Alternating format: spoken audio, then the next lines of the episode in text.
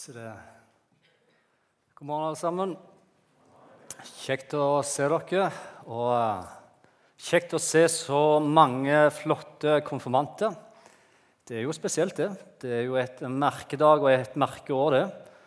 Med så mye flott ungdom. Og så en fantastisk med dåp her og dåpsfamilien. Gratulerer så mye med dagen.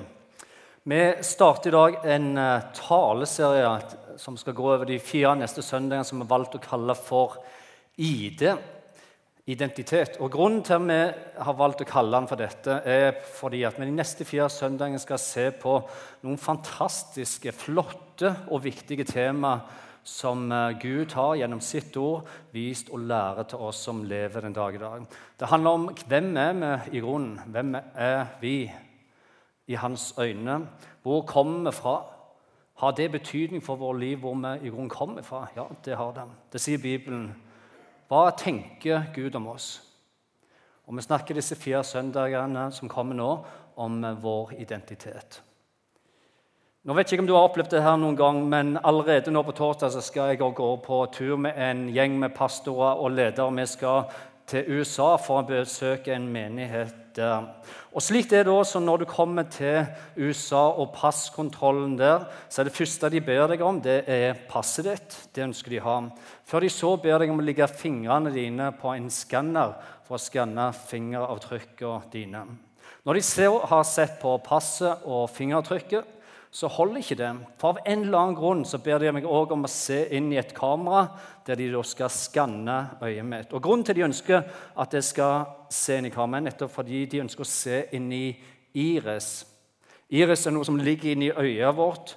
Og i iris, i øyets iris er det så store mengder med informasjon og variasjon i oss mennesker at de i løpet av noen få sekunder bare med en biometrisk skanning vet det de trenger å vite om oss. I løpet av disse sekundene så finner de ut hvem jeg er. De finner ut hvor jeg kommer fra. De finner ut har jeg gjort noe galt som ikke de tillater sitt land. Alt dette noen løper av noen få sekunder pga. de skanner øynene. Og da er det ikke sånn at eh, Selv om jeg har en dårlig dag, for det kan jeg ha etter en lang flyreise, da pleier jeg å se tre filmer. Det blir lite soving.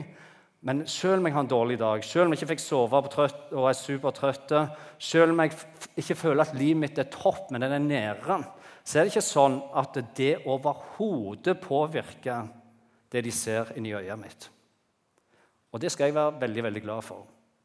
For mange timer uten søvn for meg jeg har en tendens uten kaffe da, til å bli litt surt. Og da er det ikke sikkert om jeg hadde kommet inn i USA, for hvis det hadde vist på min identifikasjon. Men poenget er dette at identifikasjonen vår, vår identitet, endrer seg ikke etter hvordan vi føler det står til i livet. Det gjør den ikke. I Bibelen og andre kontrabrev så står det noe fantastisk om vår identitet. Om hvordan Gud ser på vår identitet. Og det står dette her, at den som er i Kristus, hva er den? Den er en ny skapning.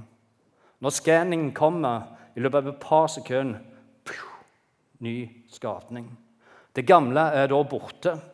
Det nye er blitt til. Spørsmål.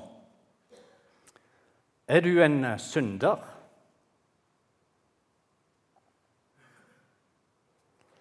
Eller er du en ny skapning? Er du både en synder og en ny skapning. Er du en spalta personlighet med spalta identitet? En dag her og en dag her. Nesten litt sånn schizofreni. En dobbelt identitet hvor en ikke helt har bestemt hvor en er, eller hvor en ikke helt vet hvor en er. For av og til så er en en synder, og av og til så er en som en ny skapning. En dag så er det slik, og den neste dagen så er det slik. Er det slik det er? Er det slik det føles? Er det slik det virker? Nei. For om du er en ny skapning, så står det jo her at alt det andre, det er hvor? Det er borte. Det er slette. Det er ferdig. Det er finito. Det fins ingenting, ingenting som de finner i skanningen. Og Allikevel så er det veldig veldig mange mennesker, også mange kristne, som lever i en konstant konflikt inni seg sjøl. Det er nesten som en permanent identitetskrise. Hvem er jeg? Er jeg godtatt? Er jeg god nok? Er jeg innafor, eller er jeg utenfor nå? Holder det med bare å være meg sjøl? Jeg burde jo. Jeg skulle jo. Om jeg ikke bare hadde vært slik. En permanent identitetskrise.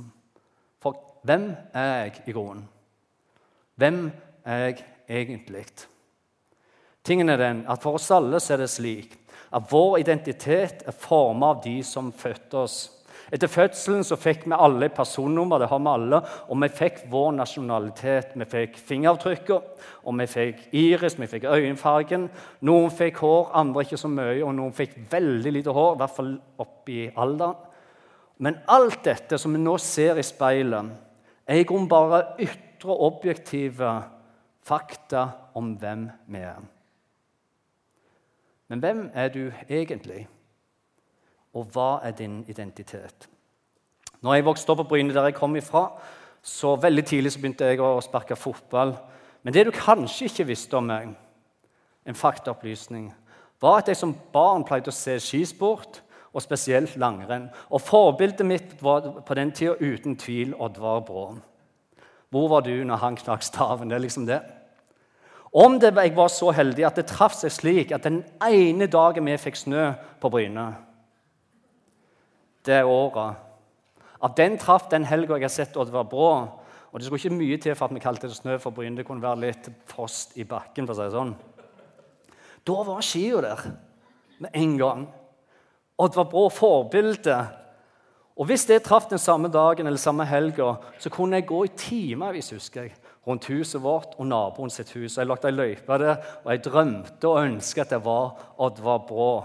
Og til den dag i dag så er nå mitt stolteste øyeblikk beskydd den dagen jeg falt i bakken til naboen og knakk staven, for da er jeg så lik Oddvar Brå. Det er det nærmeste jeg kom forbildet mitt Oddvar Brå. En knekt stav. Eller når broren min og meg så en konsert på TV, og etter vi hadde sett den konserten, så bestemte vi oss for å starte band. Vi var ganske unge. Og Der fikk vi med to andre gutter i gata, og vi skulle starte det bandet. Vi bygde den scenen i hagen og brukte flere dager på denne scenen. Vi fikk tak i materialet, og vi lagde navn på bandet, vi lagde logoer, vi skulle sminke oss akkurat som de. Og det var faktisk ikke før vi hadde invitert venner og en gjeng med naboer på konsert, at vi plutselig kom på at vi hadde jo ingen instrumenter. Og vi kunne ingen sanger, men scenen den hadde vi i hvert fall. Eller kanskje du ikke visste dette heller, at når jeg var konfirmant, så var jeg så beskjeden at når ei jente kom for å spørre om jeg kunne tenke meg å være sammen med venninna hennes, så sa jeg ja, selv om jeg ikke visste hvem hun var. Og Grunnen til at jeg sa ja og ikke nei, var fordi jeg var så utrolig beskjeden og det er helt sant, at jeg ikke vågde å si nei. Og kanskje ikke det beste grunnlaget for et kjæresteforhold. Så forholdet det varte i ei uke, da venninna kom igjen og sa at nå var det slutt. Og til dags dato så vet jeg ikke ennå hvem den jenta var. Og det kan jo være litt sårt. Men så beskjeden var jeg når jeg var konfirmant. Og så kunne jeg fortsatt fortalt om at jeg er født i Bergen, gikk på barneskolen på Bryne, jeg utdannet meg til tømmermann. Min mor heter Berit, og min far heter Ane. Men alt dette og masse masse, masse mengder mer er jo bare i grunn faktaopplysninger om Jim. Men identiteten min, det er noe annet. Tingen er den at vi alle å formes vi formes og dannes av oppveksten vår. Vi har alle mennesker rundt oss som påvirker oss på en eller annen måte. De har fôret oss med identitet. De har fôret oss med noe som vi bygger identitet med. Opplevelser, det er oppfatninger, det er tanker, det er bilder av hvem vi i grunnen er. Og De første vi møter i dette, her, det er foreldrene våre. Det sies at ca. 80 av vår personlighet må du høre, preges og dannes og utvikles før vi fyller seks år. Ca. 80% De viktigste personene, de som er de første årene, sånn som foreldre, andre voksne personer, lærere, men en møter ledere, eh, de skaper et bilde, et speilbilde av hvem er meg. I barnehagen, etter hvert i skolen. Vi møter dem videre i barnekirka her i menigheten, eller i barne- og ungdomsarbeidet, i idrettslaget, fritidsaktiviteter. Voksne, unge mennesker og ledere som fôrer oss med informasjon som igjen er med på å skape en forståelse av hvem er jeg. Det kan være gode og positive hendelser, eller det kan være negative ord og erfaringer. For det skjer dessverre også. Ord som 'du er håpløs'. Eller 'det blir nok aldri noe av det'. Eller 'om du kunne bare vært som den'. Eller 'det kommer til å gå like galt med deg som det gikk med bror. Det puttes inn i oss ord som ikke er sanne, men som allikevel skaper en usikkerhet. Hvem er jeg? Det kommer ord som tar verdigheten vår, som bringer mindre verdighet og kompleks inn i livet vårt.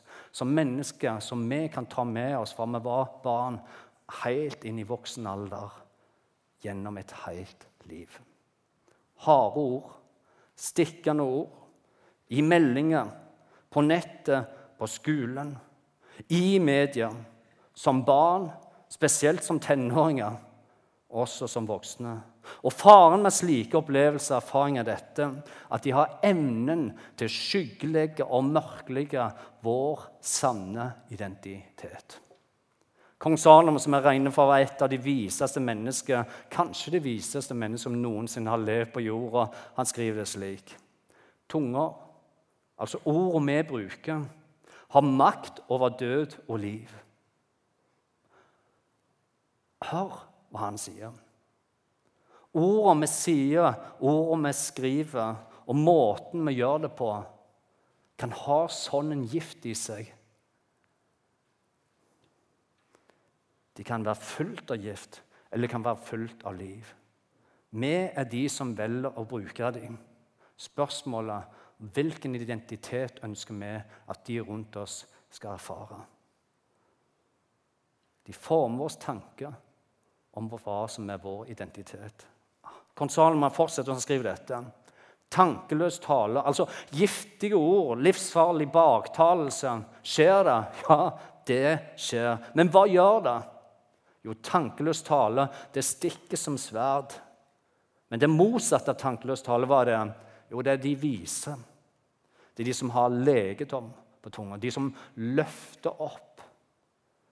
De som sier det som er sant. Noe som betyr at det vi sier eller det vi skriver, ord vi produserer, kan enten løfte de vi har rundt oss, opp, eller de kan dra de ned. En legende tunge skal fortsette den. Hva er det? Jo, det er de som leter etter de gode tingene i andre mennesker. De som leter etter positive tingene og ønsker å si det. Det er legende tunge. Hva er det? Det er et livets, livets tre, står det. Det bringer liv. Det bringer sann identitet. Men en falsk tunge, hva jo den? Jo, den knuser livsmotet vårt. Og Hvor mange ganger har jeg tenkt Hvor mange ganger jeg har sett og tenkt åh, så vanskelig det må være å være ung i dag. Hvor mange unge som sliter med å finne sin sanne identitet. Hvor vanskelig det må være for dem å se hvor verdifulle de virkelig er. Når det er så mye og så mange som sier det stikk motsatte. Er jeg stygg, eller er jeg pen? Er jeg god nok, eller er jeg en fallitt? Jeg ønsker, eller er jeg uønska? Vil han like meg hvis jeg sender de bildene han ber om? Tør jeg stole på de, at de ikke lurer meg enda en gang? Er jeg dum, eller er jeg trygg der? Er jeg populær, eller er jeg upopulær nå? Og spørsmål som fort melder seg i sånne miljø, i sånne tanker Hvem er jeg? Hvem er jeg egentlig? Hva er min identitet? Nei, jeg fikk ikke velge hvem jeg ønsket å ha som rollemodell. Jeg fikk ikke velge foreldrene mine som barn. Jeg fikk heller ikke velge hun eller han i klassen som var der, og som prekte mitt liv, enten på den gode eller den negative måten. Vi ønsket ikke harde ord, vi ønsket ikke stikkende meldinger. Det gjør vi ikke, som gjorde vondt langt ned i magen, kanskje. Ingen av oss ønsker det. Ingen ønsker å kjenne seg utenfor og ensom. Men det jeg kan bestemme meg for det vi kan bestemme oss for, det jeg kan velge, er hvem jeg ønsker skal det være det viktigste forbildet i mitt liv. Hvem skal være den viktigste stemmen i mitt liv? Hvem er det som skal være mitt forbilde, og hvem skal fòre min identitet? Om en leser Bibelen og en leser om Jesus, så vil en veldig kjapt se at Jesus veldig veldig tydelig sa ifra hvem han var. Han sa f.eks. dette. 'Jeg er verdens lys.' Og sånn er det, sa han. 'Den som følger meg, skal ikke vandre i mørket, men ha livets lys.' Og Han snakker med identitet. Og Han fortsetter å si dette her. 'Jeg er livets brød.' Den som kommer til meg, skal ikke sulte. Ja, den som tror på meg, skal aldri tørste. Han snakker om identitet. Han sa også dette. Jeg er den gode hyrde. Jeg kjenner mine. Og hvordan er det? Og mine kjenner meg. Ja, slik min far kjenner meg, og jeg kjenner min far. Slik er det. Og han snakker om identitet. Og han fortsetter, han sier dette her. Jeg er veien, jeg er sannheten, og jeg er livet. Ingen kommer til Faderen uten ved meg. Og Den eneste grunnen til Jesus kunne si dette om seg sjøl, var dette. Han visste hvem han var. Han visste hvem han tilhørte, og han visste hva forbildet hans, hans far, tenkte om han. I Bibelen og Lukas 15 så står det at en dag mens Jesus underviser masse folk der, så velger Jesus å fortelle tre historier, men tre historier i grunnen med det samme innholdet på rad. Og så er det viktig at vi vet dette, at dette er faktisk det eneste stedet i hele Bibelen det står at han forteller tre historier på rad. Og Hvorfor er det greit å vite det? Jo, for det betyr jo at dette her det må i grunnen være litt viktig å få med seg. Og så viser dette her at grunnen til at Jesus nettopp gjør det Ikke bare forteller én historie, ikke bare forteller to, men forteller de tre ganger på rad, er fordi dette er ikke bare viktig for oss. Dette her er veldig viktig for Gud. Og Den første historien der, den handler om en gjeter som hadde 100 sauer. Den andre historien handler om ei kvinne som hadde ti sølvmynter. Og Den tredje historien handler om en sønn som holdt på å miste alt, men han bodde hjemme i utgangspunktet. Og hele, hele, hele, poenget her er jo dette her. I begynnelsen av alle disse tre historiene så sier Jesus dette. Utgangspunktet var bra. Utgangspunktet var perfekt. Sauen var hjemme. Han hadde sin identitet. Mynten var på plass. Sønnen bodde hos far sin fikk bygd sin sanne identitet. Utgangspunktet var knallbra. Men så forteller Jesus videre historien at den ene sauen av de hundre den falt bort, den han gikk bort fra flokken. Den ene mynten den forsvant. Og så avslutter Jesus med den siste historien og sier at den ene sønnen, som hadde alt han kunne tenke seg hjemme hos sin far, valgte å ta ut arven og ønsket ikke å ha noe med far sin å gjøre lenger. Historien fortsetter, og denne sønnen som valgte å ta ut hele arven, ender til slutt opp med å bruke opp alle penger, forteller Jesus. og Han bruker opp hele arven i et annet land. Han sløser på formuen på et vilt liv, står det. Og til slutt ender med at han som blakk, sulten, ender til slutt opp med å spise den samme maten som de fôrte grisene med. Det som står videre da, er dette. Da kom han til seg sjøl som betyr.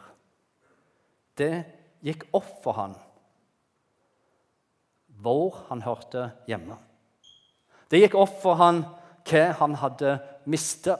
Det gikk opp for han hvem han i utgangspunktet var. Hvem han tilhørte, og hva far tenkte om han. Historien fortsetter, og sønnen begynner på den lange lange turen hjemover. Og så står det dette her. Men da han ennå var langt borte, fikk faren se ham. Hva det faren gjorde? Jo, faren sto dag etter dag etter dag etter dag etter dag og speidet etter sønnen sin. Kom han hjem igjen? Da han var langt borte, fikk faren se ham og Når Jesus da forteller vi om denne faren, så, så, er det greit at vi vet at dette er bildet på Gud, som er vår far. Hva er det Gud gjør, hva er det far gjør når han ser sønnen som er på vei hjem? Jo, han fikk så inderlig medfølelse med ham at han løp sønnen i møte. Han kastet seg om halsen på gutten, og han kysset han. Og så er det greit å få med dette her også. At dette er faktisk det eneste stedet i hele Bibelen hvor det står at Gud løper. Og hvem er det i grunnen Gud løper imot? Jo, denne sønnen som hadde forlatt ham, som hadde snudd ryggen til, som hadde tatt ut av som hadde kasta vekk sin sanne identitet og ikke ønska å ha noe med sin far å gjøre. Han valgte Gud å løpe imot. Og allikevel allikevel så kom det ingen dom, ingen pekefing, ingen harde ord som fylte han med usikkerhet. Er jeg god nok? Er jeg pen nok? Er jeg sterk nok? Er jeg populær nå? Er jeg tilgitt nok? Hvem er jeg? Ingenting av det kom. Det eneste faren gjør, er å fòre sin sønn og fylle hans identitet med sin sanne identitet. Dette er den du er for meg. Du er min. Dette er den du er for meg. Du er min elskede sønn. Alt mitt er ditt. Apostelen Paulsen skriver det slik. Hvordan er det? Men når, når, når de vender om til Herren, hva skjer det? Blir sløret til apostler. Herren, det er Ånden, og hvor Herrens ånd er, hva er det der? Hvor Herrens ånd er, der er det frihet. Og vi som uten slør for ansiktet ser Herrens herlighet som i et speil. Vi blir forvandla, alle blir forvandla til dette bildet som vi ser i speilet. Vi ser Jesus i speilet.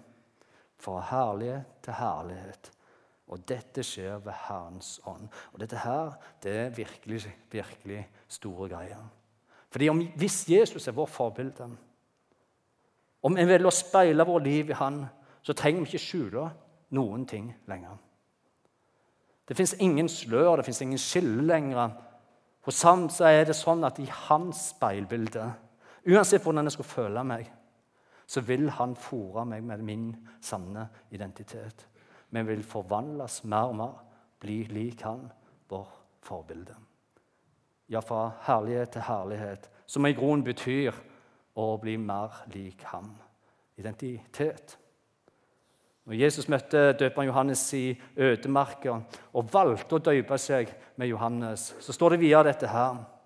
Da Jesus var blitt døpt, steg han straks opp av vannet og se. Himmelen åpna seg, og se, han så Guds ånd komme ned over seg som ei due. Og det lød en røst fra himmelen som sa dette her. Dette er min sønn, Den elsker deg. I ham har jeg min glede. Din og min identitet har sitt utgangspunkt i en far som elsker oss. Som har sin glede i oss. Og som bare ønsker det beste for våre liv. Det er ikke slik at en dag så er du innafor, godkjent, og det neste utenfor ikke så bra. Like sikker som passet vårt, fingeravtrykket vårt og den biometriske skanningen av øyet vårt forteller oss hvor vi kommer fra, hvem vi tilhører, og hvem vi er, så viser Bibelen oss dette, at din og min identitet kommer i utgangspunktet for at vi tilhører en far som sier, 'Du er min elskede'. I deg har jeg min glede. Og når Gud sier det, så skulle vi jo aldri gå rundt og tenke jeg god nok? Er jeg innenfor eller er jeg utenfor? Er jeg en ny skapning? Holder det å være den jeg er? Hvis Jesus valgte å bruke tre historier på rad, den eneste plassen i Bibelen for å fortelle oss om vår identitet og hva Gud tenker om en far som løper imot sin sønn Da tror jeg at vi trygt kan hvile i dette at vår identitet er slik at den som er Kristus, den er en ny skapning. Det gamle det er borte. Se, det nye det er blitt til. Skal vi be sammen til slutt?